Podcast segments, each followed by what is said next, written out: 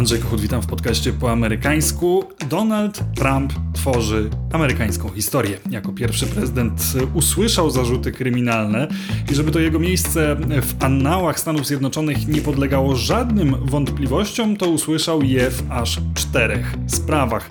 Można się w tym już pogubić i żeby tą sprawę nieco rozjaśnić, żeby również dla Was było jaśniejsze, co właściwie zarzuca się amerykańskiemu prezydentowi, to dziś w podcaście po amerykańsku postaram się przejść przez te poszczególne procesy, a także odpowiedzieć na pytanie, co właściwie Trumpowi może grozić, czy ten wyrok sądowy powstrzyma go w dalszej politycznej karierze i czy będzie mógł sam siebie ułaskawić. Zapraszam do słuchania. Na początku chciałbym jeszcze podziękować Wam za wsparcie, jakiego udzielacie podcastu po amerykańsku za pośrednictwem serwisu Patronite. Gdyby nie Wy, te kolejne odcinki po amerykańsku najprawdopodobniej by nie powstały i dlatego dziękując liczę, że będziecie chcieli dalej wspierać podcast po amerykańsku, żeby właśnie takie odcinki mogły powstawać, zwłaszcza w tym kluczowym okresie przedwyborczym, przed wyborami w 2024 roku. Bardzo bym chciał ten podcast kontynuować w nadchodzących miesiącach bez bez Was to się nie uda, dlatego zachęcam do odwiedzenia e, strony patronite.pl ukośnik po amerykańsku pisane razem, bez polskich znaków. Tam właśnie możecie przekazać e, darowiznę na rzecz tego podcastu. Nie wszystkie dokonania Donalda Trumpa są tak bardzo historyczne, jak ten fakt, że jako pierwszy prezydent usłyszał zarzuty kryminalne. Specjaliści od dziejów Stanów Zjednoczonych twierdzą, że przed Donaldem Trumpem był już amerykański prezydent, który został zatrzymany przez policję, z tym, że było to dosyć dawno temu, bo sprawa dotyczyła Ulyssesa Granta, prezydenta, który rządził Stanami Zjednoczonymi tuż po wojnie secesyjnej. No i w 1872 roku Grant został zatrzymany na ulicach Waszyngtonu za speeding, za przekraczanie prędkości. No, oczywiście wówczas było to przekraczanie prędkości powozem konnym. A ponieważ to wykroczenie przydarzyło się prezydentowi dwukrotnie w ciągu dwóch dni i w dodatku zatrzymywał go ten sam policjant, prezydent został formalnie aresztowany. Drugim e, dodatkowym smaczkiem w tej historii jest to, że zatrzymujący policjant był czarnoskóry. Przypominam, to jest moment tuż po wojnie secesyjnej, tuż po ostatecznym zniesieniu niewolnictwa e, w Stanach Zjednoczonych. Zresztą ten czarnoskóry policjant podobno ukrywał tą historię, czy nie opowiadał o niej przez kilkadziesiąt lat. Dopiero e, na początku XX wieku, już jako podstarzały mocno człowiek, opowiedział o tym, jak zatrzymał amerykańskiego prezydenta. Ale anegdoty historyczne na bok. Od czasów Granta minęło 150 lat i zupełnie inny amerykański prezydent musi się dziś martwić policyjnymi zatrzymaniami. Donald Trump osiągnął właśnie zawrotną liczbę 91 zarzutów kryminalnych w czterech różnych sprawach. No i zgodnie z obietnicą postaram się teraz wyjaśnić, co właściwie wydarzyło się w ostatnich miesiącach, jeśli chodzi o sądowe perypetie byłego prezydenta. Po pierwsze, w marcu tego roku prokurator z Manhattanu Alvin Bragg postawił Trumpowi zarzuty dotyczące pieniędzy, jakie trafiły do aktorki porno Stormy Daniels, która miała mieć romans z Donaldem Trumpem we wczesnych latach 2000. Później nabrała chęci, by opowiedzieć mediach o tam, mediom o tamtej historii, a to oczywiście wiązało się z faktem, że Donald Trump wystartował na prezydenta w 2016 roku. Kampania Trumpa obawiała się wówczas, że takie rewelacje mogłyby kandydatowi zaszkodzić. Ciekawe, czy obawialiby się tego również dzisiaj. I w związku z tym do Stormy Daniels miało trafić ponad 100 tysięcy dolarów po to, by no, nie opowiadała o tej kwestii zbyt głośno. Żeby być precyzyjnym, zarzuty, które zostały postawione Trumpowi, dotyczą nie tyle przekazania samych pieniędzy, co fałszowania dokumentów księgowych. To miało oczywiście ukryć fakt, że takie pieniądze zostały Stormy Daniels przekazane. To jest e, właściwie chyba najmniej groźna z tych spraw, z którymi mierzy się dzisiaj Donald Trump. Ona była pierwsza i w związku z tym zyskała spory rozgłos. Przyniosła Trumpowi e, wzrosty sondażowe i wzrosty, jeżeli chodzi o darowizny, które były przekazywane na, jego, na rzecz jego kandydatury. Miało więc to pewne istotne polityczne dla niego znaczenie, ale jeżeli chodzi o te kłopoty prawne, to jest chyba kłopot najmniejszy, zwłaszcza, że przy tych zarzutach Trumpowi grozi maksymalnie do 4 lat więzienia, co w porównaniu z pozostałymi zarzutami, jakie zostały mu postawione w innych sprawach, e, stanowi rzeczywiście niewielki wymiar. Druga sprawa to sprawa dokumentów, e, nad którą nie będę się jakoś szczególnie długo rozwodził, bo nagrywałem już o niej całkiem niedawno odcinek podcastu po amerykańsku. Tych, którzy są ciekawi, to odsyłam e, gdzieś pewnie e, w opisie do tego odcinka zostawię link.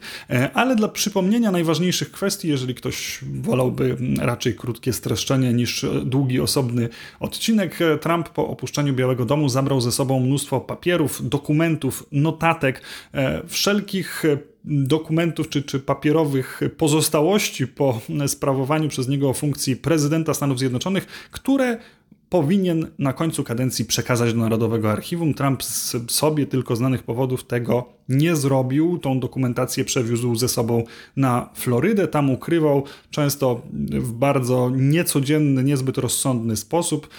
Amerykańskie władze zorientowały się, że Trump tych dokumentów nie oddał, wzywały go do przekazania tych dokumentów z powrotem. On część oddawał, części nie oddawał, ukrywał je jeszcze bardziej, no i wszystko skończyło się nalotem FBI na jego rezydencję. A ponieważ rezydencja Trumpa jest na Florydzie, to również tam toczy się sprawa sądowa przeciwko Trumpowi właśnie właśnie w kwestii tych dokumentów. Zarzutów jest sporo. Trump nie tylko zabrał dokumenty, których nie miał już prawa posiadać, ale również miał aktywnie działać, by ukryć je przed poszukującymi je organami ścigania. Utrudniał więc pracę wymiaru sprawiedliwości, ale też i to być może jest najważniejsze w tej sprawie, świadomie przetrzymywał informacje dotyczące bezpieczeństwa narodowego. To zaś sprawia, że cała historia z dokumentami jest dużo poważniejsza. Trump nie tylko utrudnił życie archiwistom, nie tylko zmusił agentów federalnych do bardziej wytężonej pracy, ale też mógł narazić bezpieczeństwo państwa na szwank.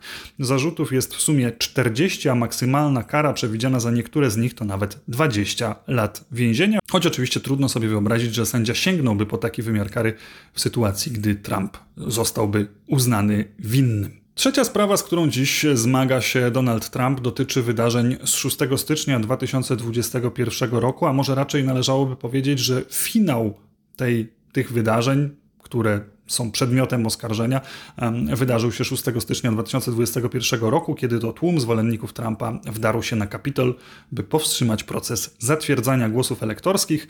E, po zatwierdzeniu tych głosów Joe Biden miał zostać oficjalnie już ogłoszony prezydentem Stanów Zjednoczonych. Zarzuty, jakie Trumpowi postawiono w stołecznym dystrykcie Kolumbii, są jednak o wiele szersze. Trump jest oskarżony ni mniej, ni więcej tylko o spisek przeciwko Ameryce. Spisek, którego częścią była próba odwrócenia rezultatu wyborów w 2020 roku. Aby tego dokonać, Trump oczywiście przez kilka miesięcy podejmował szereg różnych działań w mediach społecznościowych, w amerykańskich sądach, przemawiając do swoich zwolenników, e, również tuż przed tymi wydarzeniami z 6 stycznia. I właśnie w to wpisuje się podburzanie własnych zwolenników do radykalnych akcji do marszu na Kapitol. Obok Trumpa na ławie oskarżonych znaleźli się również inni współspiskowcy. Są to Rudy Giuliani, prawnik, były burmistrz Nowego Jorku, bardzo popularna postać po 11 września, a po wyborach 2020 gorący zwolennik Donalda Trumpa i również zwolennik tezy, że wybory zostały ukradzione. Obok niego John Eastman, to jest prawnik, który ułożył m.in. specjalny plan, za pomocą którego Mike Pence miał odrzucić wynik wyborów, czego jak wiemy nie zrobił. E, jest tam też była prawniczka Donalda Trumpa Sidney Powell, inny prawnik Kenneth Cheeseborough, a także były pracownik Departamentu Sprawiedliwości Jeffrey Clark. No i jeszcze jeden nieznany nam na razie spiskowiec, bo tutaj ważna informacja w dokumentach procesowych. Osoby wspierające Trumpa w tym spisku nie zostały wymienione z imienia i nazwiska. Są to co-conspirators, którzy zostali ponumerowani. Natomiast no, ponieważ dosyć szczegółowo opisano ich działalność, dziennikarze nie mieli większych problemów z odnalezieniem tożsamości poszczególnych spiskowców, poza tym jednym, którego na razie nie znamy. I to właśnie ta sprawa, która rozgrywa się w dystrykcie Kolumbii, ma chyba największy ciężar gatunkowy, bo de facto jest to próba udowodnienia, że Donald Trump świadomie organizował spisek przeciwko amerykańskiej demokracji, starając się obalić wynik wyborów i nie dopuścić do objęcia urzędu przez legalnie wybranego prezydenta. To jest również chyba najbardziej niebezpieczna sprawa dla samego Trumpa, bo ława przysięgłych powinna być oczywiście bezstronna. Ale może się pojawić pewien problem, bo przecież e, tych 12 ludzi trzeba będzie znaleźć w dystrykcie Kolumbii. I pytanie, jak znaleźć takich, którzy nie słyszeli o Donaldzie Trumpie, nie wiedzą nic o jego działaniach w 2020 roku, nie mają żadnej opinii na temat samego Donalda Trumpa, a także jego domniemanych e, kryminalnych wykroczeń może się pojawić e, problem, ponieważ dystrykt Kolumbii to jest jakieś 700 tysięcy ludzi, a w 2020 roku na Joe Bidena zagłosowało 92 procent tych, którzy swoje głosy oddali, na Trumpa niecałe 5,5%. Więc nawet patrząc na te wyniki wyborów, trudno sobie wyobrazić gorsze miejsce z perspektywy byłego prezydenta. Zresztą prawnicy Trumpa doskonale zdają sobie z tego sprawę i już podjęli próbę przeniesienia tej sprawy poza stołeczny dystrykt, ale wiele wskazuje na to, że im się nie uda. W tej sprawie Trump usłyszał cztery zarzuty, ale zagrożony odpowiednio pięcioma, dwudziestoma, dwudziestoma i dziesięcioma latami więzienia. Do tego wszystkiego doszła jeszcze jedna sprawa w Georgii, gdzie Trump usilnie zabiegał o odwrócenie wyników wyborów. Georgia to jest bardzo ważny stan dysponujący 16 głosami elektorskimi, a różnica pomiędzy kandydatami w 2020 roku wyniosła niespełna 12 tysięcy głosów na 5 milionów głosów, które zostało oddane.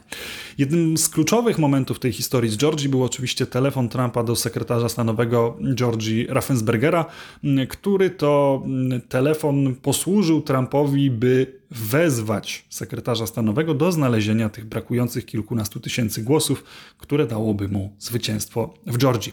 Raffensberger tą rozmowę nagrał, więc możemy ją dzisiaj odsłuchać. Dla mnie to zawsze było jedno z dziwniejszych wydarzeń mm, z tego okresu po wyborach 2020 roku, bo Trump zadzwonił do Raffensbergera 2 stycznia wieczorem, późnym wieczorem i nawet gdyby udało mu się wówczas mm, namówić sekretarza na jakąś nielegalną działalność, która doprowadziłaby do odwrócenia wyników w Georgii, to trudno sobie wyobrazić, że cokolwiek Trump by w ten sposób uzyskał, bo samo 16 głosów elektorskich z Georgii nie przyniosłoby mu ostatecznego zwycięstwa w wyborach. Pytanie więc, po co podjął taką ewidentnie sprzeczną z prawem próbę, mimo że musiał wiedzieć, iż nie przyniesie mu to ostatecznego sukcesu. Szczegóły może poznamy przy okazji tego, co wydarzy się przed sądem w Georgii. Ciekawe są zarzuty, jakie postawiono Trumpowi, bo oskarżono go używając tak zwanego RICO. RICO to jest akronim od Racketeer Influenced and Corrupt Organizations, e,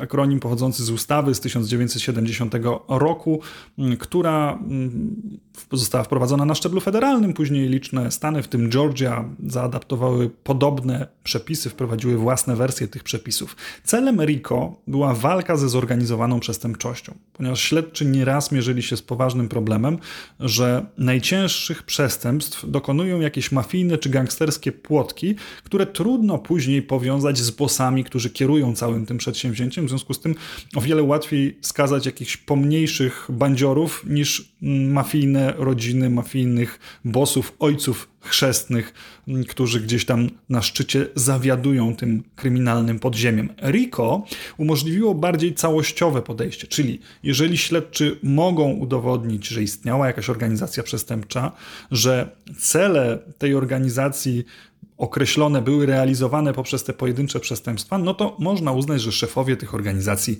również ponoszą za nie odpowiedzialność. Prokuratorzy w Georgii wykorzystali więc te przepisy, uznając, że Trump i jego współpracownicy stworzyli coś na kształt nieformalnej grupy przestępczej, która przez kilka miesięcy podejmowała szereg sprzecznych z prawem działań, by osiągnąć jeden cel odrzucenie wyników demokratycznych wyborów w Georgii. Tym razem raz wraz z Trumpem na ławie oskarżonych znalazło się kilkanaście osób, w tym ponownie Rudy Giuliani, który kiedyś był pionierem wykorzystywania RICO przeciwko rodzinom mafijnym w Nowym Jorku. Sprawa w Georgii jest sprawą stanową, co ma jeszcze jedną bardzo poważną konsekwencję. Żaden przyszły republikański prezydent, w tym sam Donald Trump, nie będzie mógł Trumpa ułaskawić, jeżeli zostanie on skazany. Podobna sytuacja ma miejsce w Nowym Jorku. Pozostałe zarzuty e, na Florydzie i w DC są zarzutami federalnymi. Ale czy Trump w ogóle mógłby sam siebie ułaskawić w tych pozostałych dwóch sprawach federalnych? Odpowiedź brzmi, jak to zwykle w przypadku zagadnień prawnych, to dosyć skomplikowane. Wielu komentatorów medialnych twierdzi, że tak, że Trump oczywiście podjąłby taką próbę i mógłby to zrobić. Taka sytuacja nigdy dotąd nie miała miejsca Nie ma przepisu, który wprost zakazywałby prezydentowi e, samo ułaskawienie. E, taką możliwość sprawdzał w ogóle Richard Nixon na krótko przed swoim ustąpieniem spowodowanym aferą Watergate w latach 70. i wtedy Departament Sprawiedliwości wydał opinię, z której wynika, że prezydent nie może ułaskawić samego siebie, ale to nie jest rozstrzygnięcie ostateczne, więc najprawdopodobniej gdyby Trump spróbował tego posunięcia, cała sprawa znalazłaby swój finał w sądzie. Ale to nie jest jedyne pytanie, które pojawia się przy okazji zarzutów dla Trumpa. Inne dotyczą na przykład tego, czy były prezydent może kandydować jako oskarżony, czy mógłby kandydować jako osoba skazana i czy mógłby z więzienia sprawować urząd prezydenta. Otóż tak. Jak najbardziej Trump może kandydować pomimo zarzutów i nawet wyrok skazujący w którejś ze spraw wcale nie musi mu przeszkodzić w objęciu, a później sprawowaniu urzędu prezydenta. Był zresztą kandydat, który z więzienia kandydował na najwyższy urząd w USA. W 1920 roku na prezydenta kandydował Eugene Debs, socjalista, który został skazany za namawianie do unikania poboru do wojska. Przypomnijmy moment tuż po i wojnie światowej. Debs zgromadził prawie milion głosów i zajął trzecie miejsce w wyborach, choć oczywiście daleko mu było do zwycięzcy republikanina Warrena Hardinga. Trzeba też pamiętać, że istnieje raczej niewielka szansa, by te wszystkie procesy, które dziś e, toczą się przeciwko Trumpowi, znalazły swój finał przed wyborami prezydenckimi. Sprawa z Nowego Jorku dotycząca fałszowania dokumentów księgowych zacznie się w marcu. Sprawa tych dokumentów, które Trump wywiózł z Białego Domu, e, która to sprawa toczy się na Florydzie, zacznie się w maju, a pozostałe dwie z DC i z Georgii mogą się zacząć jeszcze później, a prawnicy Trumpa z pewnością zrobią wszystko, wszystko, żeby zakończyły się jak najpóźniej. Ostatnio e, pojawiła się jednak ciekawa dyskusja nad przepisem, który potencjalnie mógłby uniemożliwić Trumpowi sprawowanie urzędu prezydenta. Chodzi o jeden z zapisów 14 poprawki do konstytucji, który brzmi, tutaj przeczytam go w pełnym brzmieniu, nie może zostać senatorem ani reprezentantem w kongresie, albo elektorem prezydenta i wiceprezydenta, ani też sprawować w służbie Stanów Zjednoczonych lub poszczególnego stanu jakiegokolwiek urzędu cywilnego lub wojskowego, kto poprzednio jako członek kongresu lub funkcjonariusz Stanów Zjednoczonych albo któregokolwiek stanu złożył przysięgę na Konstytucję Stanów Zjednoczonych, a następnie wziął udział w powstaniu lub buncie przeciwko niej albo udzielał jej wrogom pomocy lub poparcia. Jednak niezdolność ta może być zniesiona przez kongres większością dwóch trzecich głosów. Ten zapis oczywiście miał jeden konkretny cel w 1868 roku. Miał zamknąć drzwi do najważniejszych stanowisk dla konfederatów. To było tuż po wojnie secesyjnej i Stany Zjednoczone miały się odrodzić jako nowe państwo, a nie wrócić do stanu sprzed wojny. I dlatego elita konfederacji nie mogła wrócić na najważniejsze stanowiska. Ten przepis miał powstrzymać ich właśnie przed tym. Ale niedawno dwóch uznanych profesorów prawa na łamach University of Pennsylvania Law dowodziło, że Trump po próbach obalenia wyniku wyborów powinien być na mocy tego właśnie zapisu 14 poprawki zdyskwalifikowany z prezydenckiego wyścigu. Sprawie smaku dodaje fakt, że profesorowie Bolt i Paulsen to nie są jacyś zaprzysięgli wojujący liberałowie, ale przeciwnie, przedstawiciele oryginalizmu, a więc raczej konserwatywnej doktryny w interpretacji amerykańskiego prawa, która zakłada, że sędziowie w swoich orzeczeniach powinni się kierować jak najdoskonalszym odczytaniem intencji autorów amerykańskiej konstytucji, a nie jakimś domniemanym duchem tego prawa, jak chciałaby część liberałów. To właśnie oryginalistyczne spojrzenie na amerykańskie prawo doprowadziło w zeszłym roku do zniesienia federalnego prawa do aborcji. Taką argumentacją wtedy posłużył się Sąd Najwyższy. Jeśli Trump zostałby skazany za spisek przeciwko Ameryce, ta argumentacja profesorów Boda i Paulsena faktycznie mogłaby posłużyć do zamknięcia mu drogi na drugą kadencję, ale jak już mówiłem, trudno sobie wyobrazić, że sprawa w DC znajdzie swoje rozstrzygnięcie przed wyborami 2024 roku. Jaki więc będzie skutek procesów przeciwko Trumpowi? Moim zdaniem skutki będą dwa. Po pierwsze, Trump zgarnie ogromną przewagę w prawyborach to zresztą już się dzieje. Jego konkurencja jest bardzo daleko w tyle i nic nie wskazuje na to, by miało się to zmienić. W tym tygodniu pierwsza republikańska debata prezydencka, debata, w której Trump nie bierze udziału, bo uznaje, że nie ma to z jego perspektywy żadnego sensu e, i wiele wskazuje na to, że właśnie te sprawy sądowe powiększają jeszcze tą przewagę Trumpa nad republikańską konkurencją, sprawiają, że to on wydaje się głównym przeciwnikiem demokratycznego czy też liberalnego mainstreamu, że to o nim się mówi, że to on jest w centrum politycznego spektaklu. Bardzo możliwe, że również te pierwsze sprawy sądowe, które zaczną się właśnie mniej więcej w okresie prawyborów, będą dodatkowo pompowały kandydaturę Trumpa, sprawiając, że cały ten medialny spektakl będzie się kręcił właśnie wokół niego. Nie wykluczałbym też, że sprawa sprawy Donalda Trumpa i pytanie o to, czy prezydent oskarżony o kryminalne wykroczenia powinien powrócić na urząd, zdominują kampanię wyborczą, sprawiając, że mm, te zarzuty przeciwko Trumpowi okażą się ważniejszym tematem kampanijnym niż kwestie gospodarcze, niż pomoc Ukrainie, niż jakiekolwiek inne kwestie, chociażby kwestie związane z kryzysem imigracyjnym na południowej granicy Stanów Zjednoczonych. To zaś w ostatecznych wyborach prezydenckich będzie korzystne nie dla Donalda Trumpa, a dla prawdopodobnie Joe Bidena. Ponieważ gdyby nie taki wiodący temat w postaci problemów prawnych Trumpa, Joe Biden musiałby się liczyć z dość poważnymi próbami rozliczenia go za tą pierwszą kadencję, właśnie ze względu na problemy na granicy, z pytaniami, co dalej z pomocą dla Ukrainy, z wątpliwościami co do zdolności Joe Bidena w kwestiach gospodarczych. On tu zawsze e, otrzymywał słabsze oceny, czy z ogólnymi pytaniami o to, jak właściwie y, ocenia się prezydenturę Bidena, no te notowania dla niego są w tej chwili wyjątkowo niskie. Jeżeli y, wybory zamienią się w referendum nad kryminalnymi, domniemanymi wykroczeniami Donalda Trumpa, wszystko to inne odejdzie w cień, tak naprawdę sprzyjając Bidenowi, mobilizując jego elektorat do działania, bo w innym wypadku, gdyby to nie Trump był przeciwnikiem Bidena, można by się spodziewać, że część demokratów byłaby już trochę zniechęcona czterema latami Bidena w Białym Domu, nie do końca przekonana, czy znowu powinna ruszyć do głosowania, a pamiętajmy, że w 2020 roku frekwencja była rekordowa, więc potencjał do tego, żeby część wyborców zrezygnowała tym razem z głosowania jest zdecydowanie duży. W związku z tym myślę, że Trump na tych procesach zyska w prawyborach, ale straci w wyborach ogólnych. Czy to przyczyni się do jego ewentualnej porażki? O tym wyrokować trudno, bo należy pamiętać, chociażby patrząc na sprawę Georgii, gdzie 12 tysięcy głosów niespełna przesądziło w 2020 o tym, który z kandydatów wygrał, że w amerykańskich wyborach prezydenckich te różnice są często bardzo małe i prognozowanie ogólnego wyniku wyborów na długo przed wyborami jest obarczone ogromnym ryzykiem pomyłki.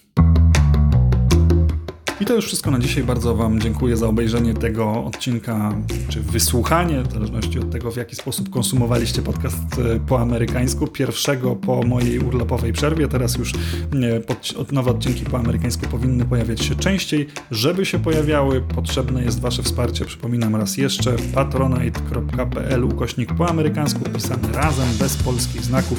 To właśnie dzięki Waszemu wsparciu ten podcast może wciąż powstawać. Andrzej Kochut, do usłyszenia.